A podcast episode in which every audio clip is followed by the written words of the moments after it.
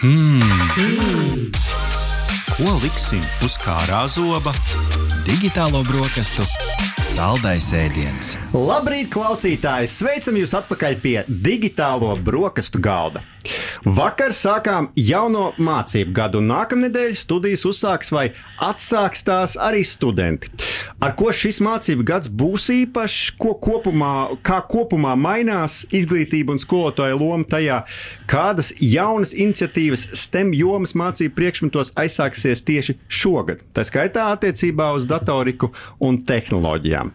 Par to visu vaicāsim mūsu šīs dienas raidījuma viesim Jānim Grēviņam, kurš ir Rīgas Tehniskās Universitātes Rīgas biznesa skolas direktors. Labrīt, Jāni! Labrīt! Un 1. septembris tas tāds maģisks laiks, jauns sākums. Daudziem kādas atmiņas saistībā ar 1. septembri, kādas kaut kas sentimentāls, kaut kas kurjos, kaut kas aizķēries prātā no saviem laikiem.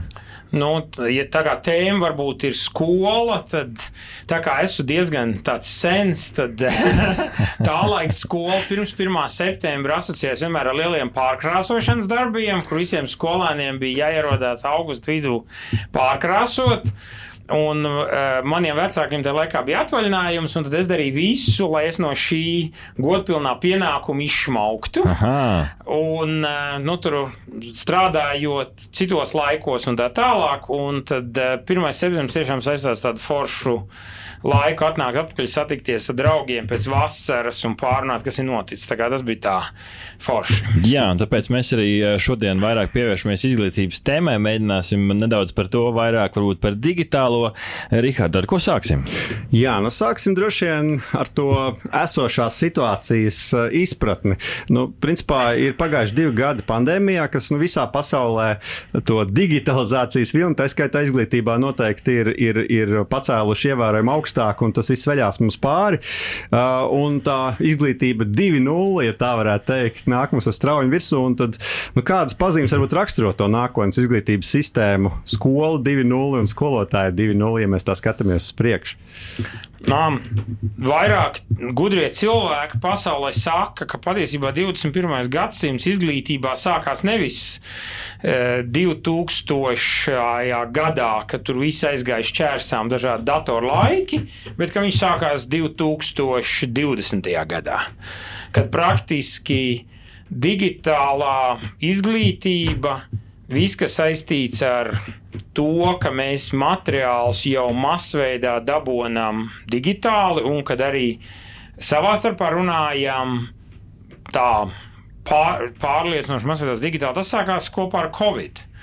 Un tas, ko mēs redzam šodien, pēc diviem gadiem, eh, tehnoloģijas ir ļoti, ļoti fundamentāli izmainījušas gan kur mums ir pieejams saturs, gan kā sabiedrība to uztver, gan arī tas, kādas ir metodes, kā var šo saturu pasniegt, lai tas būtu efektīvi gan skolēnam, studentam, gan mācību spēkam un skolotājiem. Un, un kāda mums tā situācija šobrīd Latvijā ir? Mēs tā pilnvērtīgi izmantojam tehnoloģijas sniegtās iespējas, nu, gan tīri praktiski, gan arī skolotāju ziņā, vai tomēr mums vēl daudz soļējiem? Nu, es domāju, ir vairākas labas iniciatīvas, vismaz skolu, li, skolu līmenī sāks vairākas labas iniciatīvas. Tātad attīstās skola 2030, ir attīstās skolotāja atbalsta materiālu portāls, skolo LV, kas nāk no ministrijas puses. Augstākā izglītībā mēs esam turpinām strādāt pie pedagoģu izglītošanas Amerikas Savienotās valstīs. Arī universitātēs domājam par to, kā iekļaut digitālos mācību līdzekļus apmācību procesā, un tas viss lēnām iet uz priekšu. Vai tas iet masveidīgi uz priekšu, vienmēr var vēlēties labāk. Cerams, tas smagākais Covid laiks ir mums aiz muguras, pieklāvēja pie galda, lai tā patiešām būtu. Bet kā varbūt ja var nedaudz ieskatīties tajā, kā sadalās šis tehnoloģija pielietojums nu, lielās pilsētas un lauku teritorijas, mēs varam runāt par vienveidīgu attīstību, vai arī tomēr nu, pilsētas ir priekšā un ārpus pilsētām ir vēl kur piestrādāt. Es, man precīzi nav statistikas, kā būtu laukos un pilsētās. tīri tā subjektīvi, es zinu ļoti daudzas nerīgas skolas un iniciatīvas ārpus Rīgas, kas ir ļoti, ļoti mūsdienīgas. Es domāju, tas, kas tehnoloģijās ir pats svarīgākais un ko tehnoloģijas ir devušas. Ja, teiksim, divus gadus atpakaļ vai pat uh, Desmit gadus atpakaļ mums virkne materiāla, informācijas avotu nebija vienkārši pieejama, jo mums nebija pieeja bibliotekām ar grāmatām, kur tās iegūt. Tad nu, šodien, pēc Covid, es gribētu teikt, praktiski jebkuras zināšanas, jeb pie kurām zināšanām par lielāku vai mazāku, bet samērīgi mazu naudu, katrs cilvēks var piekļūt no jebkuras vietas Latvijā jau nu noteikti, kur strādā internets. Mm -hmm. Savā ziņā tehnoloģijas ir tāds kā saīsne uz materiāliem, uz pieejamību. Nu, ja, ja ir labs internets un labs dators, tad jau patiesībā mēs diezgan izlīdzinām tehnoloģijas nāk tālāk. Tieši tā. Jā, nu, tā tad par, varētu teikt, ka par tehnoloģijām, tehnoloģijas ne tikai jāizmanto mācību procesā, bet būtiski arī mācīties par digitālajām tehnoloģijām, lai tās kvalitīvi varētu izmantot. Un, protams, informācija komunikācija tehnoloģija joma ir viena no straujāk augošajām un arī labāk apmaksātajām nozarē, gan šeit Latvijā, gan arī pasaulē. Un, nu, vai tas būtu vienīgais iemesls, kāpēc ikvienam skolēnam vidusskolu beidzot būtu jāapgūst vismaz kaut kas no datorikas un, un tehnoloģijām? Tā, nu, tātad viens jūs pie, pieskārties datorzinātnē, nevis kas to saistīs, neapšaubām tas ir labi apmaksāts. Otra lieta šobrīd nav praktiski, praktiski nav nevienas jomas pasaulē, kuras strādā bez tehnoloģijām. Visās jomās tehnoloģijas lielāku vai mazāku darbu dara, līdz ar to cilvēki, kas būs nākotnes speciālisti, jebkurā jomā, viņiem tehnoloģijas ir jāpārzina labā līmenī, un tajā brīdī, kad es runāju par labu līmeni, Tas nenozīmē tikai sociālos tīklus, e-pastu, varbūt kaut kādas bankas. Um, transakcijas, nu, bankas darījums, bet tas ir arī kā tajā jomā mēs veicam pētniecību, veicam konkrētu darbu, apkalpojam klientus un ražojam produktus, uzlabojam produktus un tā tālāk.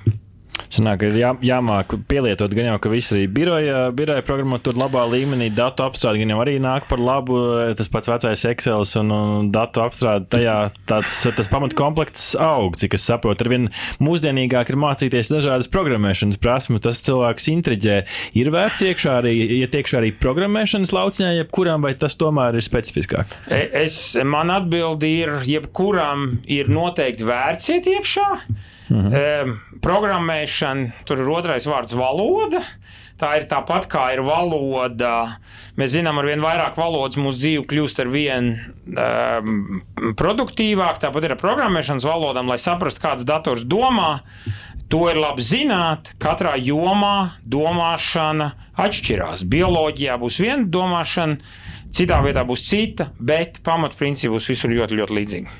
Jā, nu tad, kad mēs runājam par uh, vidusskolas mācību kursu, ir arī tāds vārds datorika. Un tad ir uh, nu, daudziem mums, kā nespeciālistiem, varētu šķist, ka nu, datorika arī tas ir nu, saistās ar tādu garu kodu rindiņu, arī var teikt par programmēšanu. Bet uh, kā var būt, uh, nu, kādas ir tās atšķirības starp datoriku un, un, un programmēšanu, uh, arī ja mēs runājam par tādu vidusskolēnu uh, mācīšanos? Um fundamentāli.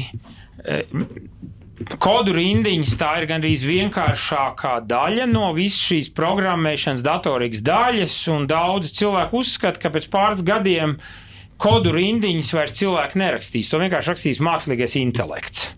Jo pasaule ir attīstījusies diezgan tālu, ka e, datoru programmēšanas plānotāji spēja iedot cilvēkiem, kas prot rakstīt kodu rindiņas, uzdevums, kā rakstīt kodu rindiņas. Un tik tālu tas mums ir skaidrs. Mm -hmm. Tas jautājums, kas paliek cilvēka smadzenēm, ko mākslīgais intelekts bieži vien nespēja mūsu vietā darīt, ir izdomāt, kuras kodu rindiņas ir jāraksta, kā viņas ir jāraksta, kā mēs viņus optimizējam, kā mēs samiksējam dažādas eh, programmēšanas valodas risinājums. Nu, viens no elementārākiem piemēriem, ja jūs taisiet jebkuru aplikāciju, ko jūs gribat laist tirgu, vienalga vai tas ir jūsu veikaliņam vai kaut kādam citai lietai, jums viņi momentāli ir jāprogrammē divās programmēšanas valodās. Un, uh, Tur ir virkne veidu, kā to var optimizēt, bet tas tā ir jādara.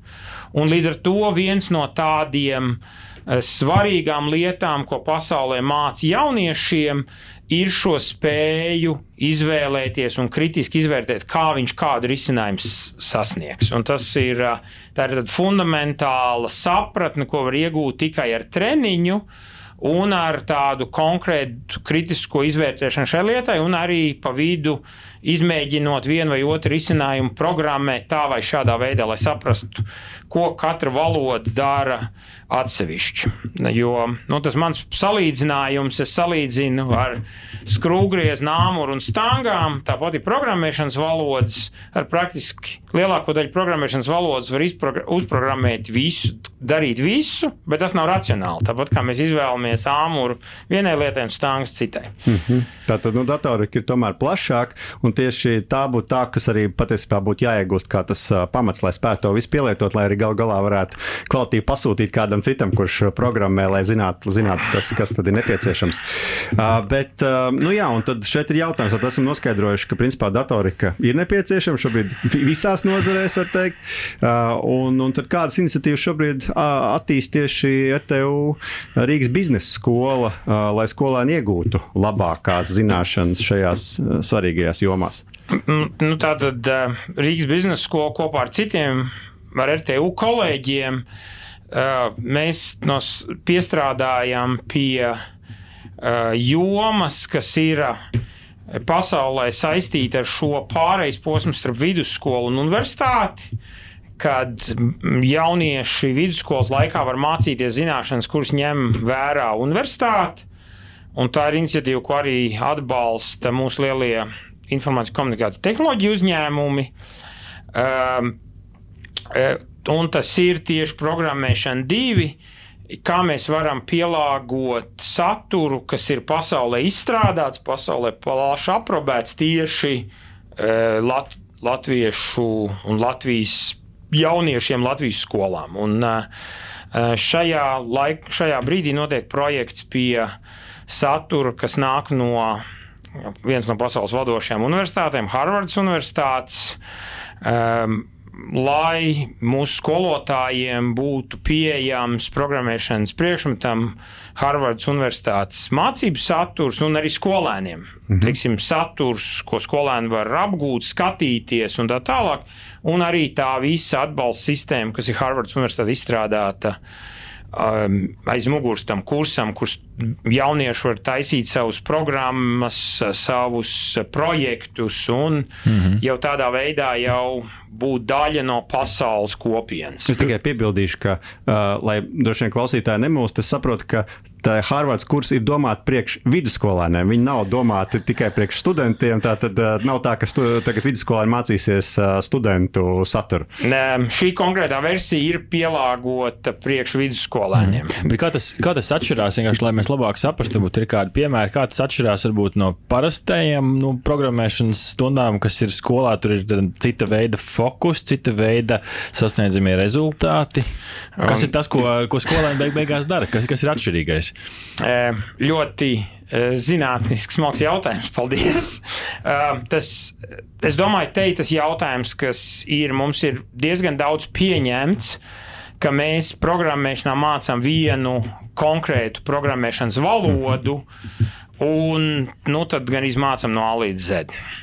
Tas, kas ir šajā Harvardas priekšmetā, ir Tur ir laikam tiek izmantots gandrīz četras vai piecas programmēšanas valodas, jo viņi to balsta uz tādu plašu pētniecisko bāzi, ka daudzus programmēšanas konceptus ir labāk apgūt dažādās valodās. Tā ir vienkārši vieglāk. Un, ja iedod ja, jaunietim šo kritisko domāšanu par to, kā mēs programmēsim ne tik vien ka tas tiks izdarīts, bet arī optim, nu, optimāli, racionāli, ātri, jo nu, bieži vien um, spēle šajās jomās notiek uz ātrumu, kā mēs to šādā veidā izdarīsim. Mm -hmm. Un tas viss ir apvienots ar to, kā, kā mēs komunicējam par to, ko mēs darām, lai ne tik vien jaunietis būtu eh, kodu rakstītājs, jo, kā es teicu, kodu rakstīšana tā drīz vien tiks aizvietota, bet lai viņš būtu arī uh, risinājuma attīstītājs un veidot jaunos, mūsu jaunu uzņēmumus ar pasaules mm -hmm. elpu. Nu, tā tad es saprotu, ka tas ir tāds, var teikt, video un arī vēl kaut kāds papildus saturs, ko saņem jaunietis. Nu, tad varētu teikt, kāda tad ir tam skolotājiem loma? Vai, vai viņš tikai ieslēgs datoru, neslēgs telpu, vai arī šeit uz vietas Latvijā būs tomēr arī skolotājiem savs darbiņš jāturpina darīt? Nē, nē, nē. To, ko mēs arī dzirdējām, izrunājām Bostonā, skolotāja loma šajā jaunajā pasaulē kļūst ja ne vēl pat svarīgāk, tad vis, vismaz tik svarīgi, kā viņi bija līdz tam. Jo um, ir tā, tā ir pasaules realitāte, ka um, cilvēki pašmācības ceļā, viņu spējas pašmācības ceļā sakoncentrēties, lai viņi kaut ko apgūtu. Nu, relatīvi kļūs mazāk pēdējo desmitgažu laikā. Un līdz ar to skolotājs ir tas, kas veido šo motivācijas sistēmu, kas palīdz tiem jauniešiem, kam varbūt neiet labāk, tik labi, kas eh, la, eh, spējīgākos jauniešus stumj pretī augstākām virsotnēm. Un tā ir neapšaubām tā loma, kas arī dod to mirdzumu jauniešu acīs, ka viņi, viņi saka, jā, šis ir kaut kas fantastisks, un to mēs redzam. Nevis kad uh, mūsu personīgais mērķis, lai kāds jaunieks redzētu šo mirdzumu šajā mm -hmm. datoru radīto iespēju pasaulē, nevis tikai, jā, nu, tas tur ir priekš kaut kādiem programmētiem, es tam neesmu piemērots. Tas nav tā, nav tā ziņa, kas iet pasaulē. Es domāju, mūsu ziņa ir datorzinātnes piemērots jebkuram, un skolotāja mm -hmm. loma ir to parādīt jaunietim, kā tas viņam tieši dara pēdējās uh, sarunas minūtēs, varbūt, ja mēs virzamies uz to, uz to noslēgumu, mēs jau arī festivālā Lampa, Rihards, atceries diskusijā runājām par to balansa atrašanu starp tehnoloģiju lietošanu, lai tu iegūstu maksimālu priekšrocību un beig beigās arī būt maksimāli kontrolē, lai saglabātu to, to stūri savās rokās. Un, ja mēs paskatāmies tieši uz mācībām, uz skolām, uz to tehnoloģiju pielietojumu ikdienā, no malas varētu šķist, ka viss ir kļuvis par ekrāniem, vai ne? Visur ir ekrāni ekrāni, viss ir ekrānos. Kā atrast to līdzsvaru mācību procesā, lai kaut kādā brīdī mēs nekļūstam nemanāmi par tehnoloģiju ķilniekiem, nevis pavēlniekiem? Es, es domāju, tas pirmais jautājums ir, cik daudz mēs esam tehnoloģiju izmantotāji, pretēji tam, ka mēs esam tehnoloģiju radītāji, lietotāji un kaut kādā tādā veidā. Tātad, vai mēs tikai skatāmies YouTube, um, sociālajos tīklos apmainamies ar mm -hmm. ziņām, vai mēs sakām, labi, mēs uztaisīsim pašu savu YouTube, kurā mēs rādīsim, kā vislabāk uh, taisīt kūkas, kur mums ir latviešu viens ļoti spēcīgs jaunu uzņēmums, uh -huh, kā mhm. taisīt kūkas, un to mēs parādīsim visai pasaulē un kļūsim par ļoti veiksmīgu biznesu šajā jomā. Jauniešiem ir tas pats, vai mēs tikai skatāmies, vai mēs tikai skatāmies video, kā spēlēt spēlītas, tur Minecraft vai kaut ko tamlīdzīgu, vai mēs uh, viņu arī programmējam. Jaunieši par brīvu var dabūt mm -hmm. Minecraft programmēšanas vidi, kur viņi var taisīt savus programmas un kaut ko tādu.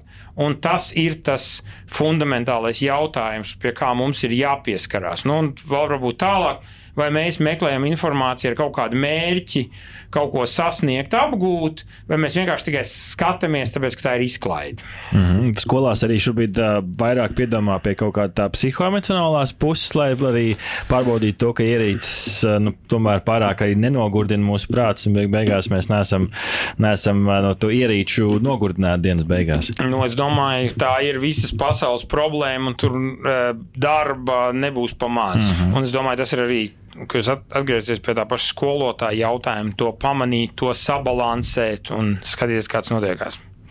Jā, nu lieliski. Uh, esam uzzinājuši par jaunām iniciatīvām, kas arī šeit pie mums Latvijā notiek, lai uh, datorika un programmēšana kļūtu par katru skolēna ikdienu vispārējā izglītībā, par ko liels prieks un, uh, protams, svarīgi, lai jaunieši, pabeidzot skolu, var uh, tehnoloģijas ne tikai patērēt, bet izmantot, lai sasniegtu savus mērķus gan dzīvē, gan biznesā, gan arī izglītībā.